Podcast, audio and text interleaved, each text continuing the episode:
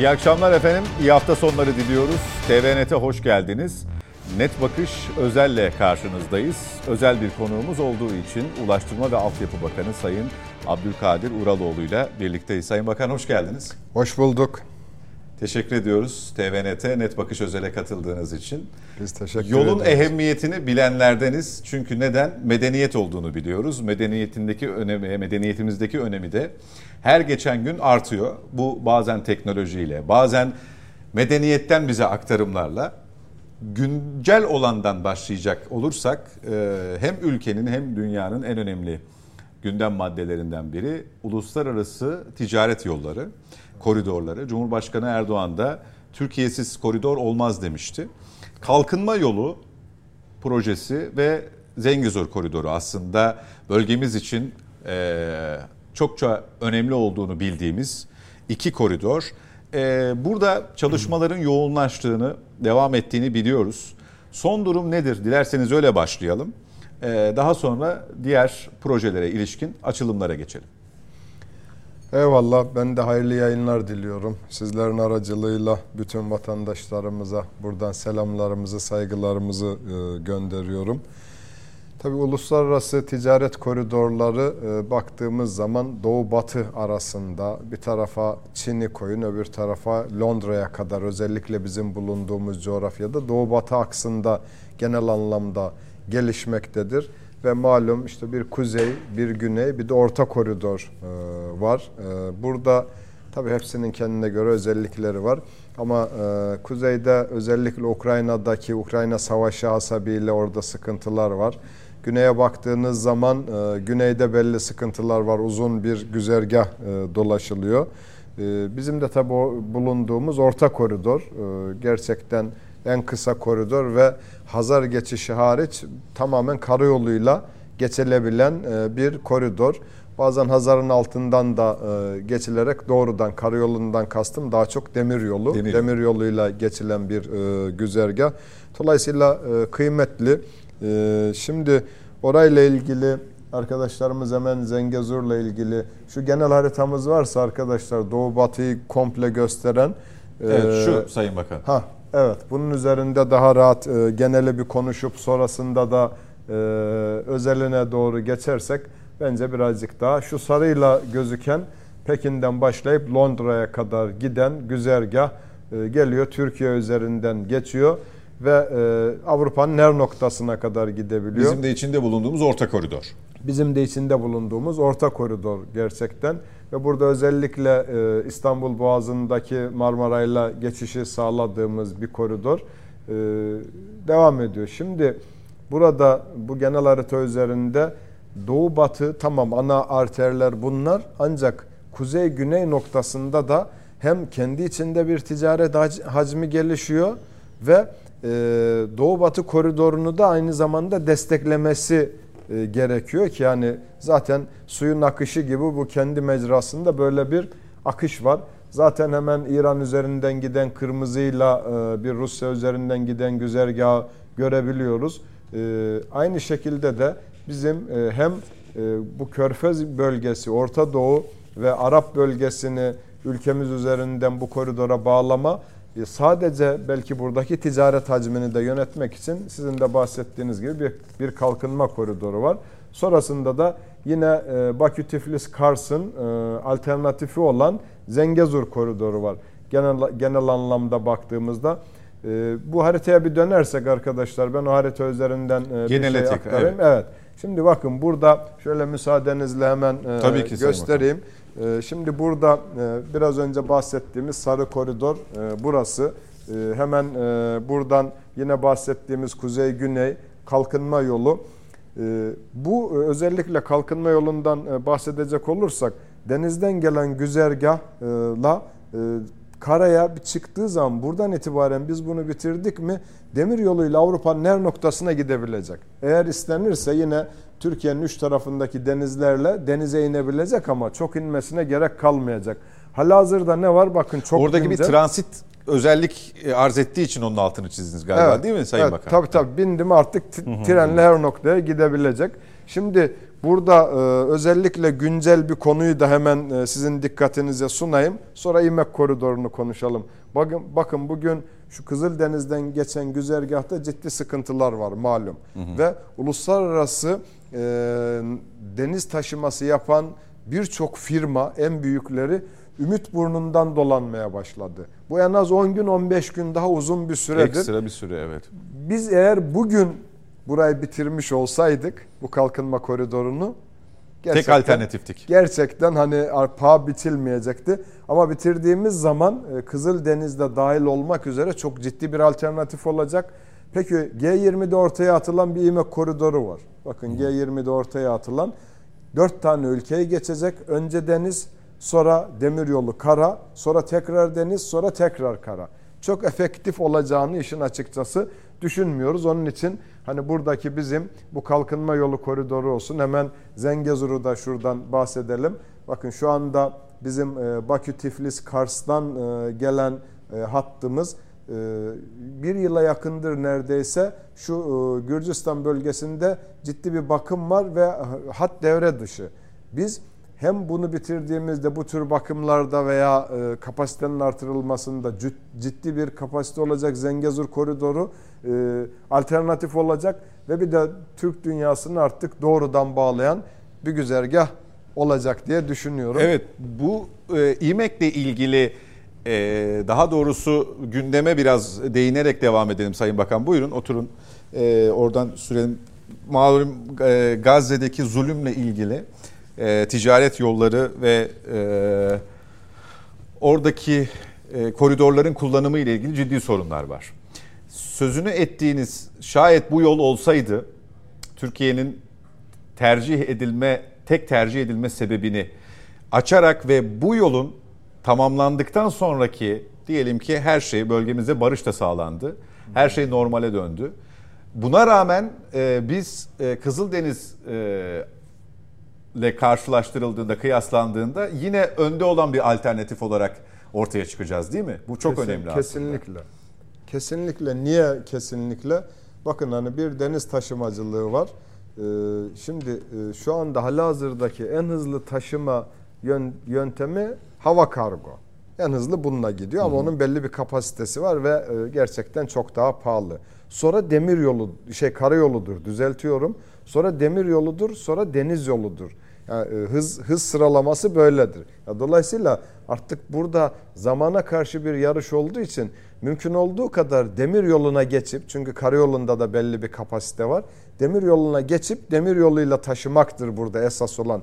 Bütün e, Çin'in ve Avrupa'nın, Amerika'nın bütün kurgusu demir yolu üzerine mümkün olduğu kadar yoğunlaşmaktır. Ya burada elbette diğer e, modlarda devam edecek. Yani zaten siz dünyadaki gelişen ticaret hacmini sadece denizden, sadece demir yoluyla, karayoluyla taşımanız mümkün değil. Sadece bundan sonra oranları e, biraz da artırmak veya azaltmak söz konusu olacak. Dolayısıyla bahsettiğimiz Fav Limanı'ndan ilk fazı 2025 yılında devreye girecek.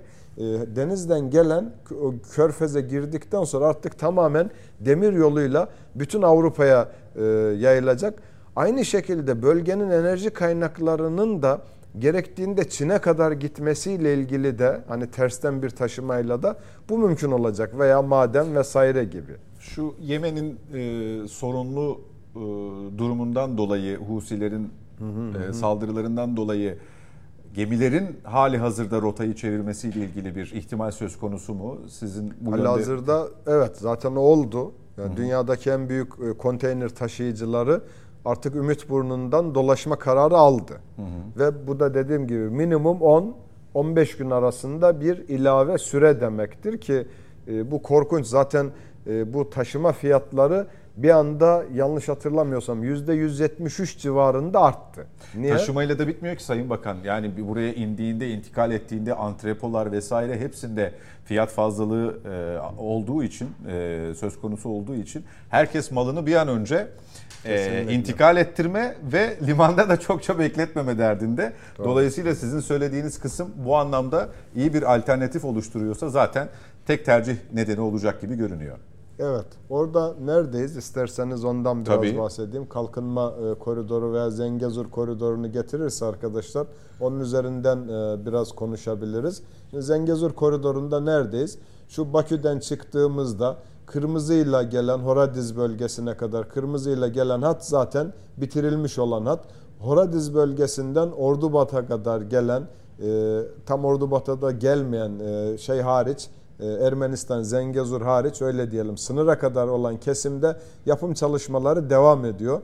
E, sonrasında Ordubat yani e, Nahçıvan'la bizim e, Dilucu sınırına kadar olan yerde yaklaşık 100 kilometre civarında mevcut bir hat var. Nahçıvan'da gözüktüğümüz, gördüğümüz.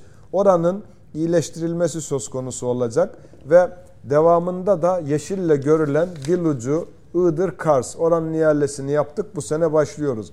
Peki Ermenistan'da özellikle Zengezur koridoru dediğimiz yerdeki durumumuz neydi? Tabi e, biz bu koridor ortaya atıldığı zaman ve hemen bu Karabağ'la ilgili süreç devam ederken Ermenistan'ın buna karşı bir refleksi vardı. Biz net olarak şunu söyledik. Dedik ki akli selim olan bu e, güzergaha, bu koridora katılmayla kar etmiş olacaktır. Ve zaten son zamanlarda gerek yapılan uluslararası toplantılarda gerekse de Ermenistan'ın e, iç siyasetine yönelik yapılan e, açıklamalarda bu koridorun doğru koridor olduğu noktasında açıklamaları var. Paşinyan'ın süreç yürütülüyor. Yaklaşık 43 kilometrelik kesim Ermenistan topraklarında. Oranın da planlaması ve e, ihalesi, yapımı e, süreci hayata geçtiği takdirde koridor tamamlanacak olan tamamlanacak ol, olacak ve e, bu güzergahtan biz e, Türk dünyasına, Orta Doğu'ya, e, Orta Asya'ya çok daha kolay erişmiş olacağız. Ee, burayla ilgili ilk dile getirilmeye başlandığında aslında Karabağ Zaferi'nden sonra hem Sayın Cumhurbaşkanı hem Sayın Aliyev e, herkes Ermenistan'ın tavrını merak etmişti. E, tabii e, ülkelerin âli menfaatleri söz konusu olduğunda belli başlı e, köklü sorunlar kenara bırakılabiliyor. Ermenistan böyle bir tavır sergiledi zannediyorum. Kesinlikle. E, ama sorunun aslında Ermenistan olmadığı, başkaca bir ülke olduğu anlaşıldı zamanla. E, bu sorun anlatıldı da karşılıklı temaslarla bu görüşüyle hala sorun olmaya devam ediyor mu? Yani İran bu konuda hala ayak sürüyor mu Sayın Bakan? Şimdi öncelikle ben hani şunu söylemek istiyorum. Ee, tabii herkes nasıl Cumhurbaşkanımız e, Türkiye yoksa orta koridor olmaz diyor. Gerçekten de böyle ya. Zaten bizim coğrafyamız bize öyle bir nimeti bahşetmiş durumda.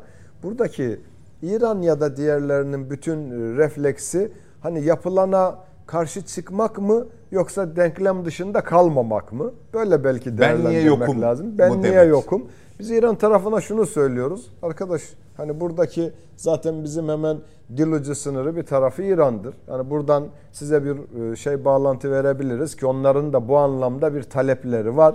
Ama biz her ikisi de mutlaka olmalı diyoruz. Bizim için Zengezur koridoru olmazsa olmazdır. Biz bunu hayata geçireceğiz ama İran'ın bu bağlantısına da yani kendi topraklarından geçmesi değil Zengezur koridorun ayrıca kendi içinden dil ucuna bir bağlantı ile ilgili talebi var. Onu da görüşüyoruz. Uygun zamanlamada e, onun da e, yapmamız gerekir diye düşünüyoruz. Ne kadar zamanımız var bu koridorla ilgili aşağı yukarı tahminen? Şimdi Türkiye tarafındaki yerlerimizi yaptık. 224 e, kilometrelik bir kesimdir. Yani nereden bakarsanız bir 5 yıl civarındadır. 5 yıl. Ya 5 yıl civarında biz burayı bitirdiğimizde yani 2028 yılında inşallah güzergahın tamamını hayata geçirmiş oluruz diye düşünüyorum. Evet peki. İçeriye dönelim biraz. Aslında iç dış kalmadı. Yolda da öyle, e, diğer ilişkilerde de öyle. Hepsi e, bir arada konuşuluyor. Çünkü birbirini tetikleyen ya da birbiriyle alakalı olan şeyler. E, biz 6 Şubat'ta geçtiğimiz yıl çok büyük bir acı yaşadık. Doğru. 6 Şubat depremlerinin yıl dönümü yaklaşıyor. Biraz oradaki çalışmalara hem altyapı aşamasıyla hem de yolların durumuyla ilgili değinelim istiyorum. O günden bugüne ne yapıldı biraz onu özetleyelim e, hem altyapıda hem yollarda tabii altyapının e, şöyle de bir e, özelliği var. Konut yapımıyla ya da yapıların ortaya çıkmasıyla ilgili eşgüdümle yürütülmesi gereken bir şey. E, ama yolların da zarar gördüğünü biliyoruz. E, bağlantıların da zarar gördüğünü biliyoruz. Birçok ilimizi etkiledi çünkü. Ana arterlerde e, daha hemen birinci ayda, ikinci ayda çalışmalar tamamlanmıştı. E, genel durum nedir? E, yapılacaklar nelerdir? E, onları bir özetlerseniz bize Sayın Bakan. Öncelikle 6 Şubat dediğiniz gibi bir ay sonra e, yıl dönümü olacak. E, ben bu vesileyle tekrar e, hayatını kaybeden vatandaşlarımıza Allah'tan rahmet diliyorum. Yakınlarına ve milletimize başsağlığı diliyorum. Tabi oradaki 6 Şubat hemen sabahı e, biz deprem bölgesindeydik. İkinci depremi e, Adıyaman'da afat binasının içerisinde yaşadık. Gerçekten hani e, korkutucu e, bir e, süreçti. E, yakından yaşayan kişilerden bir tanesiyim. E, burada tabi ulaştırma yapılarının e, belli şekilde etkilenmesi söz konusu. Ama genel anlamda baktığımızda ulaştırma yapıları kendilerinden beklenen performansı genel anlamda gerçekleştirdiğini, karşıladığını söyleyebilirim. Hemen ufak bakım bazıları hiç etkilenmedi. Bazıları küçük bakımlarla, bazıları e, orta bakımlarla bazıları da birazcık daha ağır bakımla hayata geçmiş oldu. Ya bizim oradaki en zor Nurdağ viyadüklerinde ciddi e, etki olmuştu. Bir de e, Hatay Havalimanı'nda en büyük etki Hatay Havalimanı'nda olmuştu. Oralardaki gerekli müdahaleleri yaptık. Bazılarını birkaç saat içerisinde, bazılarını bir gün içerisinde, bazılarını da 5-6 gün içerisinde yaparak oraları hizmete aldık. Şimdi neredeyiz? Bir kere e, karayolu ulaşımında e, bir sıkıntımız kalmadı diyebilirim. Niye diyebilirim? Bazı çalışmaları devam ediyoruz ama o mevcut e, mevcut trafiği etkilemiyor. Demir yollarında belli kısımlarda özellikle e, Adıyaman Malatya arasında bir hattımız hala kapalı. Orada ciddi hasar oluştu. Onu yapmaya ama alternatif e, Sivas üzerinden bir hattımız var. Devam ediyor. E, havalimanlarındaki ufak tefek e, çalışmaları yürütmüştük. Bir Hatay Havalimanı var. Hani onu ayrıca da bahsedebiliriz. Hatay Havalimanı ile ilgili hı hı. yaptığımız e, bir çalışma var. Bir de tabii e, bu depremden 670 bin e, civarında konut, 180 bin civarında da iş yeri etkilendi. Dolayısıyla 850 bin civarında konut ve iş yerinin yeniden yapılması söz konusu. Tabi bunların bir kısmı yerinde dönüşümle yapılacak, bir kısmı da rezerv alanlarda başladı yapılmaya. Burada da bakanlık olarak e, diğer ilgili bakanlıklarla koordinasyon içerisinde özellikle deprem bağlantı yollarının 180 kilometrelik kesimi de bizim bakanlığımıza, Karayolları Genel Müdürlüğümüze, Cumhurbaşkanımızın takdiri ve kararıyla verildi. Orada çalışmalara başladık. Yani sadece bir evi bitirmeyle işimizin bitmeyeceğini biliyoruz. Oranın kanalizasyonundan, içme suyundan, enerjisine, iletişimine kadar bütün altyapı yolların altından yapıyoruz. Ve evler teslim edilme aşamasında biz o e, yolları da bitirmiş olacağız ki peyderpey bitirmeye başladık. Çünkü evler Geçtiğimiz hafta oradaydınız zannediyorum değil mi bunları? Evet Malatya e, yılın son günü Malatya'daydık. E, Adıyaman'a indik. Oradan Malatya'ya geçtik. Malatya'da bir dizi ziyaretlerde bulunduk. Birçok işimiz orada yoluna girmiş durumda. Vatandaşımızın hani günlük yaşantısına peyderpey dönüyor. Hele şu kalıcı konutlar, deprem konutlarını Cumhurbaşkanımız e, sahaya inmesiyle beraber onların teslimini de yapacağız. Ufak tefek retuşları, e, rutuşları yapılıyor.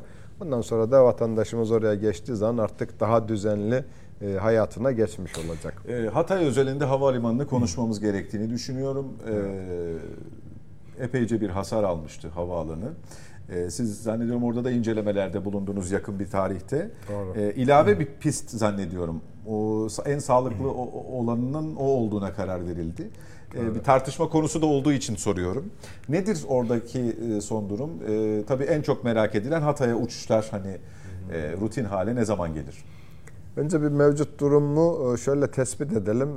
Hatay Havalimanı'nda olan deprem Amikovası'nda yaklaşık oradaki arazi kodlarının bir buçuk metre komple aşağıya inmesine sebebiyet verdi. Oradaki bir zemin sıvılaşması, hareket vesaire.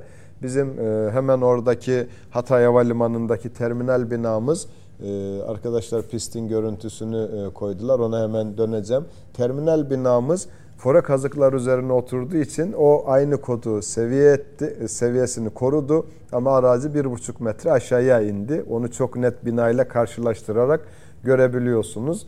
Her şeye rağmen o sağlam kaldı. Orada yine aynı şekilde geçirimsiz duvarlar vardı e, suyun geçişini engellemek için. Depremde onlar kırıldı ve bütün e, zeminle aşağıya oturdu. Bunun üzerine burada hani e, tabii e, doğrudan e, oradaki e, pisti kesen 3-4 noktada fay hattı net bir şekilde pisti kesti ve onun onarımını yaparak biz orada acil yardım malzemelerinin ulaşması ve tahliyede kullandık.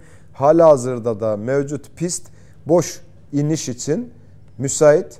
E, dolu kalkış halen e, düzenli olmasa da oradan e, seferleri yapıyoruz. Dolu kalkış yapılabiliyor orada. Şimdi biz havaalanını nereye yaparız diye arkadaşlarımızla çok detaylı çalıştık. Uzun çalışmalar sonucu Orta Doğu Teknik Üniversitesi ve TÜBİTAK'tan da destek aldık.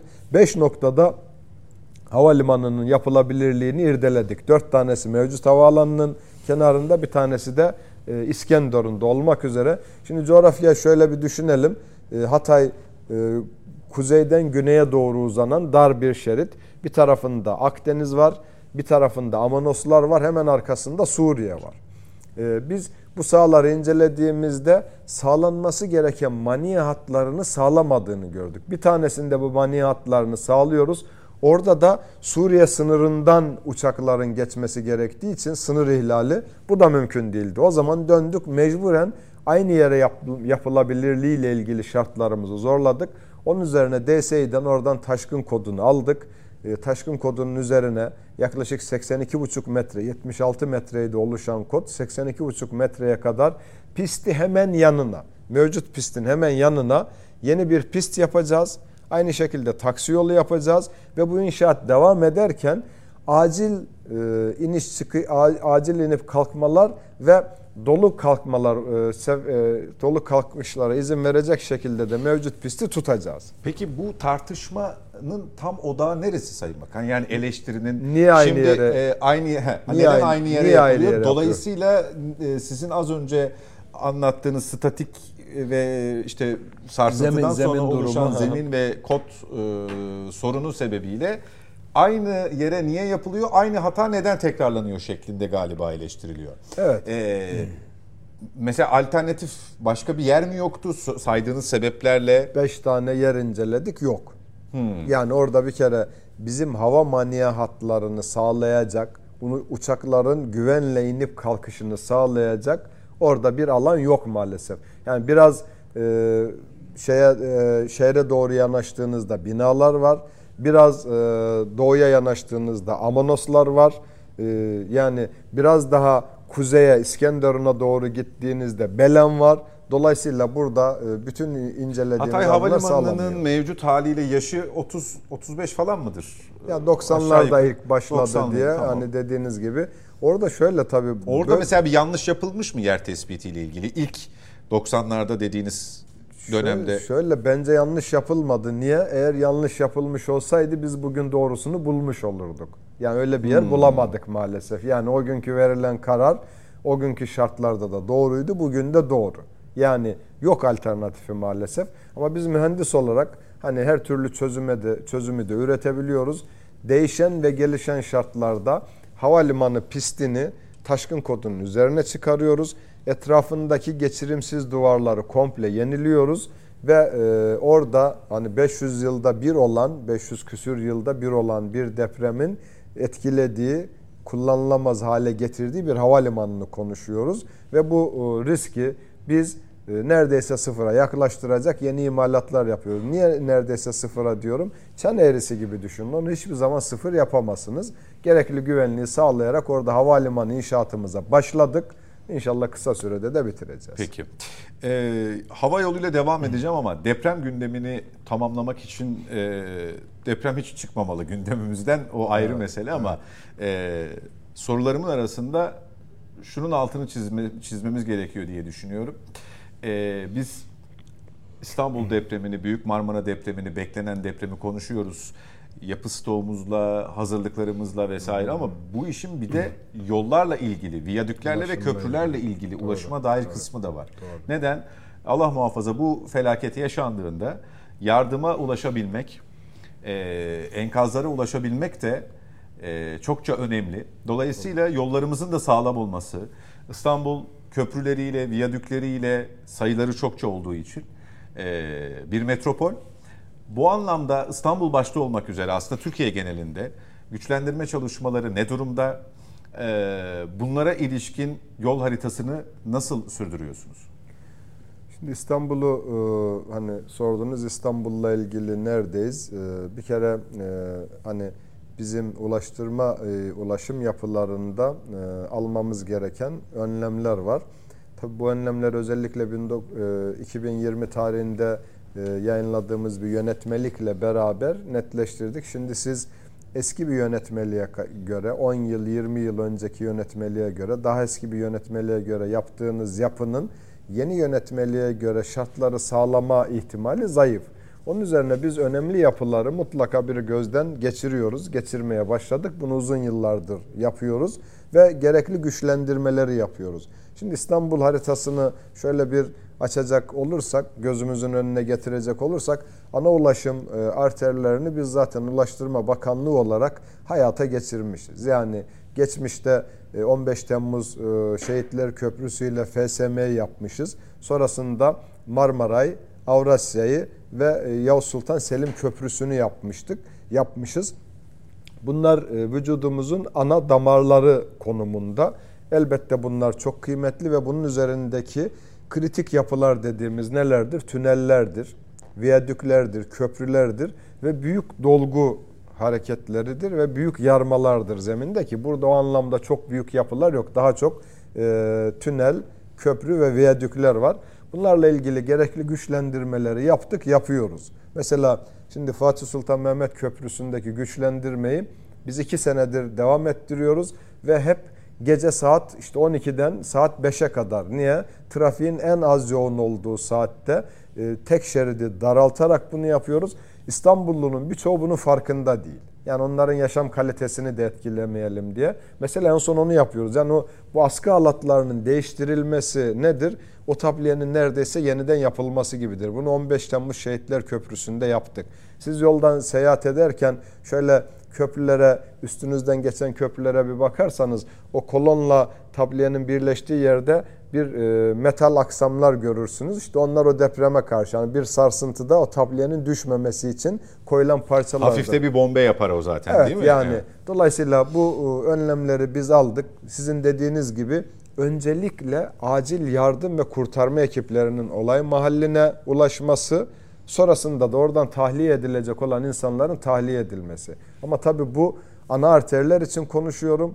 Burada mutlaka belediyelerle başta Büyükşehir Belediyesi ile beraber çok ciddi bir işbirliği gerekli ve e, ciddi bir şekilde de kentsel dönüşümü mutlaka yapmalıyız. Evet. Bunu da beraberinde Bu, düşünmeliyiz. Peki. Ee, aslında Hı. söylediğiniz farkında değil kısmını biraz açmak istiyorum. Şimdi ben İstanbul'da yaşıyorum uzun süredir. İstanbul'da doğduğum için burası benim şehrim. Eyvallah. Ama e, tabii trafik sorunu bugünün meselesi değil. Bugünden yarına çözülmesini de beklemiyoruz. Şehir göç aldıkça, metropollük arttıkça e, alternatif yol veya güzergahlar oluşsa bile şimdi ilk yapıldığında siz değindiniz. Yavuz Sultan Selim Köprüsü'nde tek tük araç görürdünüz. Avrasya Tüneli'ni farklı sebeplerle tercih etmeyenler vardı. Şimdi en çok eleştirenler kullanıyor. Bakıyorum Kesinlikle. en yoğun trafik. Ya bu şöyle Kesinlikle. tabii üleşiyor, paylaşılıyor bu trafik. Fakat şehir içinde e, mutlaka bakanlığınızın da şimdi karayolu kökenli olduğunuz için bile bakanlığınızın da müdahil olduğu onun sorumluluk alanında olan yollar da vardır ama bakıyorum metrobüs yoluyla ilgili ya da diğer tali yollarla ilgili sözünü ettiğiniz çalışmalar bırakın hani trafiği düşünüp gece saatlerinden sabah saatlerine kadar yapılmayı trafiğin pik yaptığı saatlerde gündüz hatta aylara varan çalışmalara tanıklık ediyoruz. Burada bir istişare mekanizması yok mu belediyelerle? Yani İstanbul özelinde söylemiyorum aslında. Bu hani böyle hemen eleştiriyorsunuz da diyorlar. Öyle değil. Sadece durum tespiti anlamında. Yani e, neticede karayolları dediğiniz kurum e, yıllardır Türkiye'nin dört bir köşesine hizmet veren bir kurum. Mutlaka belediyelerin de kendi içinde deneyimleri var ama netice itibariyle bir şeyi çok yapanla, sürekli yapanla, sürekli kontrol edip güçlendirenle e, daha az yapan arasında fark vardır. Buna deneyim diyoruz.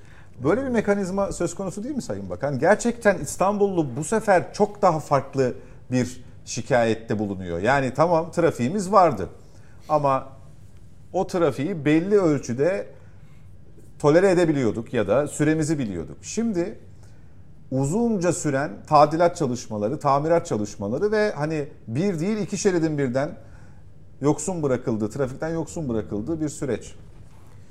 Ben istersen şöyle Anadolu'dan İstanbul'a doğru bir yanaşayım. Ee, biz e, şu anda İstanbul'un nüfusu 16 milyon. Biz Anadolu'nun her köşesine buna e, Trakya'da dahil olmak üzere her köşesine korkunç yatırımlar yaptık. Ulaşımla ilgili özellikle diğerleri de var da ben ulaşımlardan ulaşımdan bahsedeyim.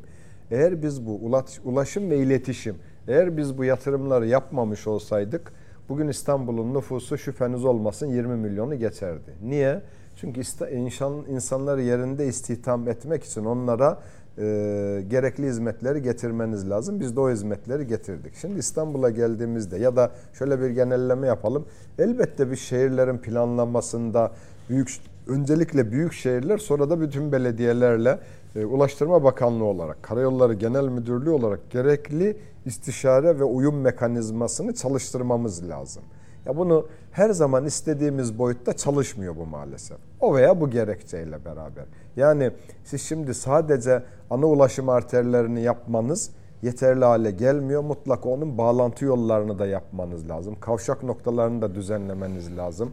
E, sosyal donatıları, kamu kurumlarını da uygun yere koymanız lazım. Yani tamamen imar planıyla da ilgili hale e, getirmek lazım bunları ki oradaki büyük şehirle öncelikle yapacağınız işbirliği kesinlikle daha doğru yatırımların yapılması, daha kısa sürede çözülmesi, daha hızlı ilerlemesi, yapılan yatırımların daha hızlı ilerlemesiyle hayata geçer. Şimdi ulaşım deyince burada tabii karayolu, hani karayolunda artık kapasiteler e, ya da imkanlar iyice azaldı. Biraz yer altına inmemiz gerekir. Hı hı. Büyük şehirlerde özellikle. Bu da metrolarla ancak biz bunu çözebiliyoruz. E, şöyle bir tespit yapalım. Nüfusu 100 binden büyük olan belediyeler ve büyük şehirlerde metro yapma yetkisi o belediyelere aittir. Bakanlığın böyle bir yetkisi yok ya da görevi yok. Ancak onlar isterse ve Sayın Cumhurbaşkanımız da uygun görürse bu görev bakanlığa doğru geçiyor. Dolayısıyla bu anlamda da İstanbul'da bizim yaptığımız bir dünya iş var. Onlara da bir taraftan hizmet açtıklarımız var, bir taraftan devam edenler var ve yarın e, ihtiyaç olursa diye kafamızda olanlar var. E, bu noktada e, yolumuza biz devam edeceğiz. Şimdi bir, bir önceki Sayın Bakan dönemindeydi zannediyorum. İstanbul'da o tartışmaya da tanıklık ettik. Belediyenin metrosu işte bakanlığın metrosu. Ya halkın metrosu yani onu hepimiz kullanacağız. Evet. Ee, bu biraz uzaklaştı tabii ama tabii raylı sistemler aynı zamanda maliyetli sistemler. Tamam. Ulaşım konusunda büyük kolaylık sağlıyor ama e, bu sadece İstanbul özelinde değil birçok şehrimiz için, birçok büyük tabii. şehrimiz için de geçerli. E, kaç ilde çalışması var Sayın Bakan? E, sizin kaç ilde çalışmanız var raylı sistemlerle raylı ilgili? Sistemle ilgili? Halen aktif projelendirilmiş ama işte hayata geçmesi beklenen? Bizim e, bir yaptıklarımız var, devam edenler var, bir de planladıklarımız var. 14 tane. 14 tane ilde bu anlamda çalışmamız var. Yani gerek proje aşamasında olsun, gerek işletme, gerekse devam eden anlamda olsun. E, nerelerde var yapımı bitirdiklerimiz? İstanbul'da var, Ankara'da var, Gaziantep'te var e, devam eden. Ee, bitir şey devam edenler nerede var? Bunlar bitirdiklerimiz. İstanbul'da yine devam edenler var. Bursa'da var. Ee, aynı şey Kayseri'de bitirdiğimiz bitirdiğimiz var. Evet arkadaşlar getirdi. Şöyle e, İstanbul'da planlanan da az değilmiş Sayın Bakan. İstanbul'da planlanan epey var. Ee, aşağı yukarı 5 e, tane noktada e, bizim hala hazırda 82 55... kilometreye yakın. O ha devam eden 55.7 planlanan da 81-82 kilometre civarında. Yine İzmir'de İzban e, var. E, yine Kocaeli'de var, Sakarya'da var. E, bunlar bir kısmı devam eden, bir kısmı planlananlar şeklinde. Dolayısıyla hani bize doğru pas atıldığı zaman biz başka bir sorgulama, başka bir yaklaşım içerisinde olmaksızın bunlara sahip çıkıyoruz. Yani vatandaşımızın herhangi bir şekilde mağdur olmasına, orada sıkıntı, eziyet çekmesine gönlümüz razı olmuyor. Biz vaziyet ediyoruz. Bize atılan pası biz gerektiği gibi değerlendiriyoruz. Ne güzel. Biraz e, raylı sistemlere girmişken demir yolu aslında hepsi e, birbiriyle bağlantılı ama e, demir yollarında son durum nedir ülke genelinde? Bir de zannediyorum e, Ankara ile İstanbul arasında e, böyle level atlar gibi işte evet. E, neydi banyo öyle değil mi? E, 8 saati 9 saati bulan İstanbul Ankara yolculuğu hatırlarım ben. Evet. Tabii orada belli başlı duraklara da uğranırdı. Sonra biraz daha teknolojik bir tren. En son geldiğimiz nokta yüksek hızlı tren. Süper. Bunun da mı ha, yükseği var? Ha, evet siz bunun da mı yükseği var? Siz pası attınız. Eyvallah ben pası alayım. Şimdi e, isterseniz şöyle bir tespit yapalım. Tabi bu e, bizim e, demir yolları haritamız. Halihazırda e, sarı olanlar bizim e, işletmeye açık olanlar, kırmızı olanlar devam edenler, mavi renkli olanlar biraz turkuaz gibi gözüküyor. Onlar da bizim e, planladıklarımız e, hatlar. E, biz 11 bin kilometreden 14 bin kilometreye getirdik demiryolu hat uzunluğumuzu. E, o 11 bin kilometreyi de neredeyse sil baştan yeniden yaptık. Gerek elektrikli gerekli gerekse sinyalli hale getirdik. %60-70'e kadar olan kesimini rehabilite ettik onu ve e, bu çalışmalarımızı devam ediyoruz. Zaten siz yüksek hızlı trenle ülkemizi e, gerçekten biz tanıştırdık. E, Avrupa'da 6. dünyada e, 8. E, yüksek hızlı tren işletmecisi konumundayız. E, şimdi İstanbul'la Ankara arasında bir seyahat ihtiyacı var. Yani insanlar kaç 16 milyon burada, işte 5-6 milyon Ankara'da, Sakarya var, İzmir. E... Hakikaten Sayın Bakan ya. Kuzey Marmara neden Hendek'te bitiyor? Evet. Evet. Bu, bu, bunu... ya ben hani kendi adıma sormuş olayım. Ya şöyle e, şimdi siz bakın biz e, ertesi gün e, maaşımız bankaya yattı mı yaşayan kişiler bir ülke olarak şimdi biz 2028'leri, 2035'leri, 2053'leri, 2071'leri planlıyoruz. Biz ilk etapta hemen oradan e, sorunuzda sorunuza cevap vereyim. İlk etapta bizim sıkışan yerimiz Marmara bölgesiydi.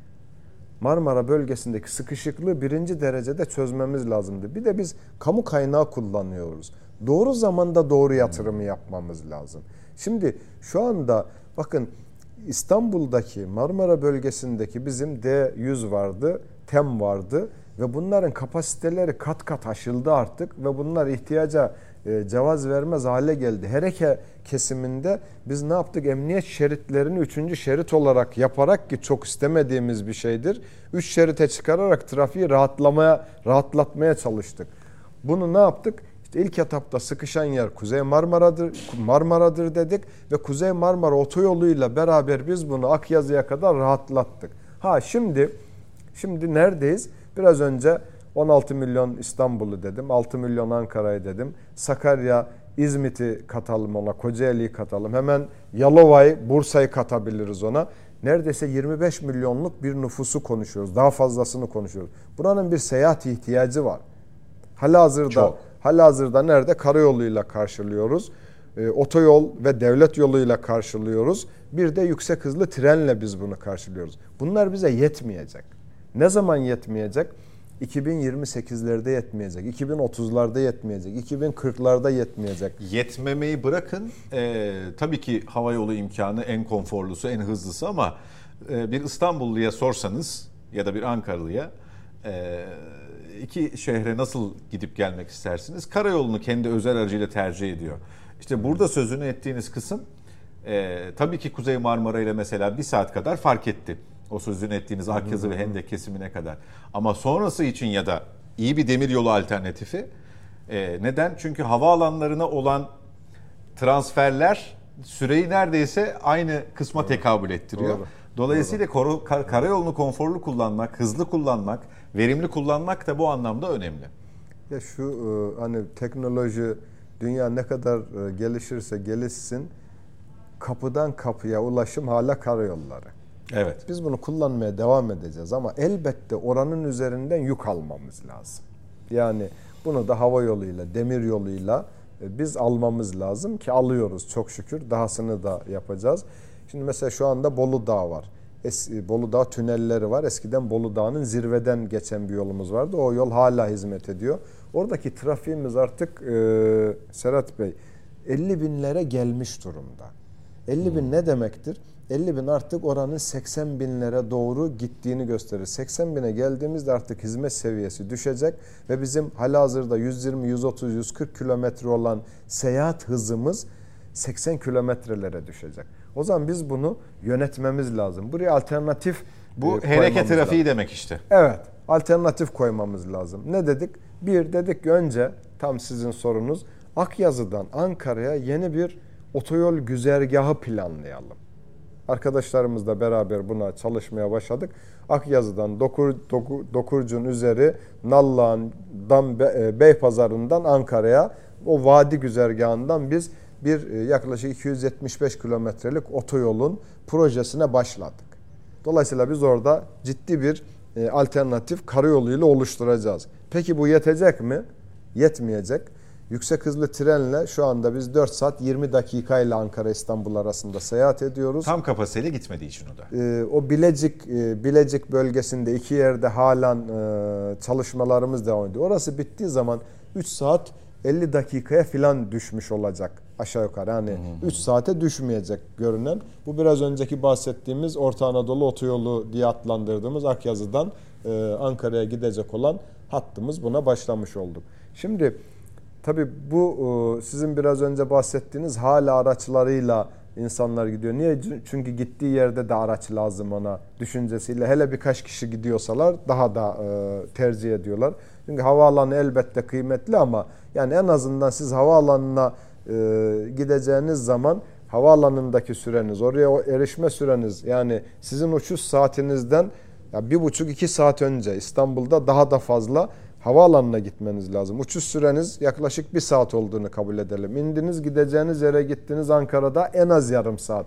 Yani nereden bakarsanız 4 saati konuşuyoruz. Bu sefer insanlar hızlı treni tercih ediyor. En azından önemli bir kısmı. Peki bu bize yetecek mi? Yetmeyecek. Yüksek hızlıdan artık biz bir kategori daha yukarıya atlamamız lazım. O da süper hızlı tren Ee, planlıyoruz. O süper hızlı trenin hızı saatte 350 kilometre olacak. Ee, aradaki e, birkaç tane istasyonumuz belki olacak Kocaeli ve e, Akyaz'da. Daha ekspres gibi bir şey olacak o zaman. Tabii tabii bütün bütün noktalarda çok durmayacak ve e, biz bineceğiz. E, bir maç başladığında bir futbol maçı başladığında milli maçımız ya da başka bir maç başladığında maçın başlangıç saatini start alırsak 90 bir- dakika. bit- Aa. bitmeden Aa, İstanbul ya da Ankara'da ise 80 dakikada e, arkadaşlar güzel de bir görsel yaptılar. Milli maç 90 dakika biz 80 dakikada Ankara İstanbul arasını Bu sadece vasıta mı Sayın Bakan? E, demir yolunda bir yenilemeye gidilecek mi? E, bu süper tamamen hızlı yeni bir hat. Ha, Tabii demir tabii. yolu. Yani Tamam. mevcut hat Ankara, Eskişehir, Bilecik, e, Adapazarı üzerinden gidiyor. Bu biraz önce bahsettiğimiz oto, otoyol güzergahına yakın bir yerden gidecek.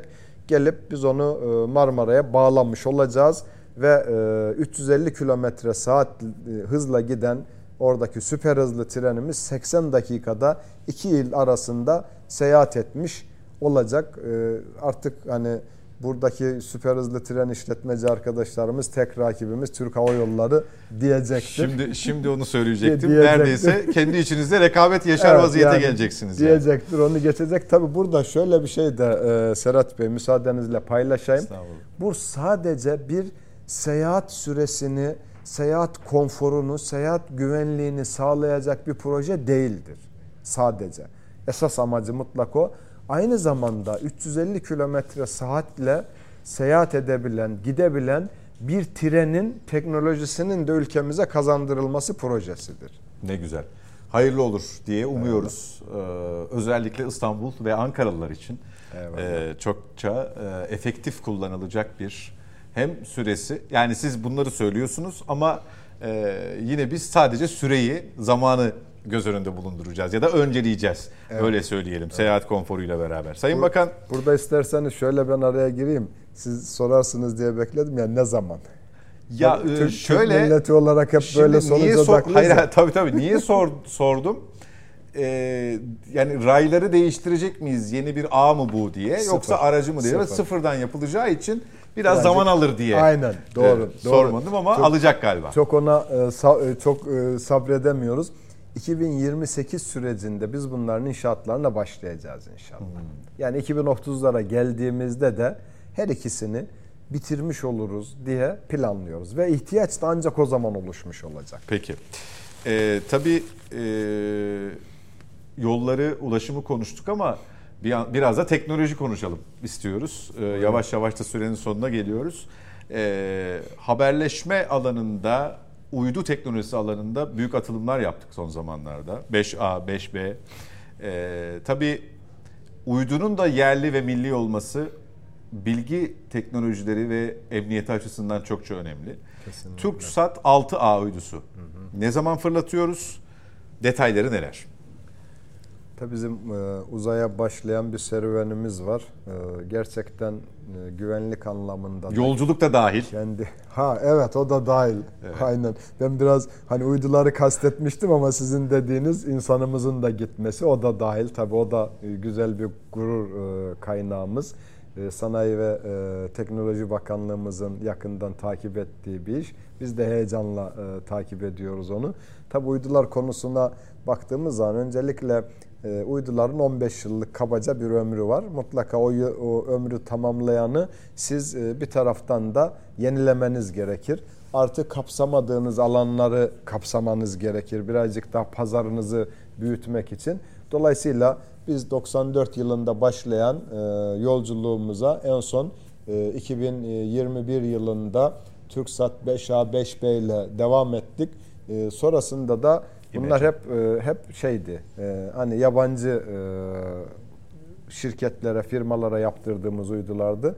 Artık yeni uydumuzu biz kendimiz üretelim hem bu teknolojiyi ülkemize getirmiş olalım diye bir süreç başlattık ve 6A uydumuzu Ankara TUSAŞ'ta üretiyoruz, ürettiriyoruz. Orada bizim Türk satımız var. Yine TÜBİTAK'la işbirliğimiz var. Ne zaman e, inşallah bir aksilik olmasa Mart ayında yer teslimi hı hı. yapacağız ve Haziran ayında da Amerika'ya göndererek SpaceX'in fırlatma e, istasyonlarından inşallah onu uzaya yörüngesine uğurlamış olacağız. Hem kapsama alanımızı genişleteceğiz, hem kapasitemizi artıracağız, hem de ilk yerli ve milli uydumuzu uzaya göndermiş olacağız inşallah. Peki. Sayın Bakan teşekkür ediyoruz verdiğiniz bilgiler için, e, yayınımıza konuk olduğunuz için eklemek istediklerinizi alacağım ama e, bir yandan sizi konuk edeceğimizi e, duyurduktan itibaren e, sosyal medyada aktif e, kullanıcılar özellikle bir de tabii e, ama mağdur ama beklenti içinde olan e, kadro bekleyenden tutun da işte kamu mühendisleri, e, farklı sektörlerden yine bakanlığınız uktesinde olan bir takım sorular var. Bunları bildiğiniz için şu şu ne olacak, bu ne olacak, öbürü ne olacak diye sormayıp sözü direkt size bırakıyorum. Çünkü biliyorsunuz zaten Eyvallah. malumunuz. Onlara da bir mesajımızı verelim ve böylece tamamlayalım. Şimdi tabii e, üniversiteden mezun olan e, arkadaşlarımız var. E, hani mühendislik dallarında bizimle ilgili olanlar bizim sosyal medya paylaşımlarımızın altına bolca yorumları geliyor. Tabii biz kamu tarafında KPSS ile alıyoruz. Bunu da belli bir disiplin içerisinde ihtiyacı karşılayacak şekilde yapmaya çalışıyoruz. Tabi bu anlamdaki talepleri de dikkate alıyoruz. Gelecek planlamamızı da buna göre yapmaya gayret ediyoruz işin açıkçası. Ee, hani sadece e, kamu adına değil mesela bize iş yapan firmaları da bu şekilde teşvik ediyoruz. Hatta sözleşmelerine firmaların ihale sözleşmelerine belli sayıda mutlaka ilgili elemanların e, orada istihdam edilmesiyle ilgili hükümler koyuyoruz. Bu şekilde onların taleplerini de karşılamaya çalışıyoruz. Ama birazcık daha hani sabra ihtiyacımız var.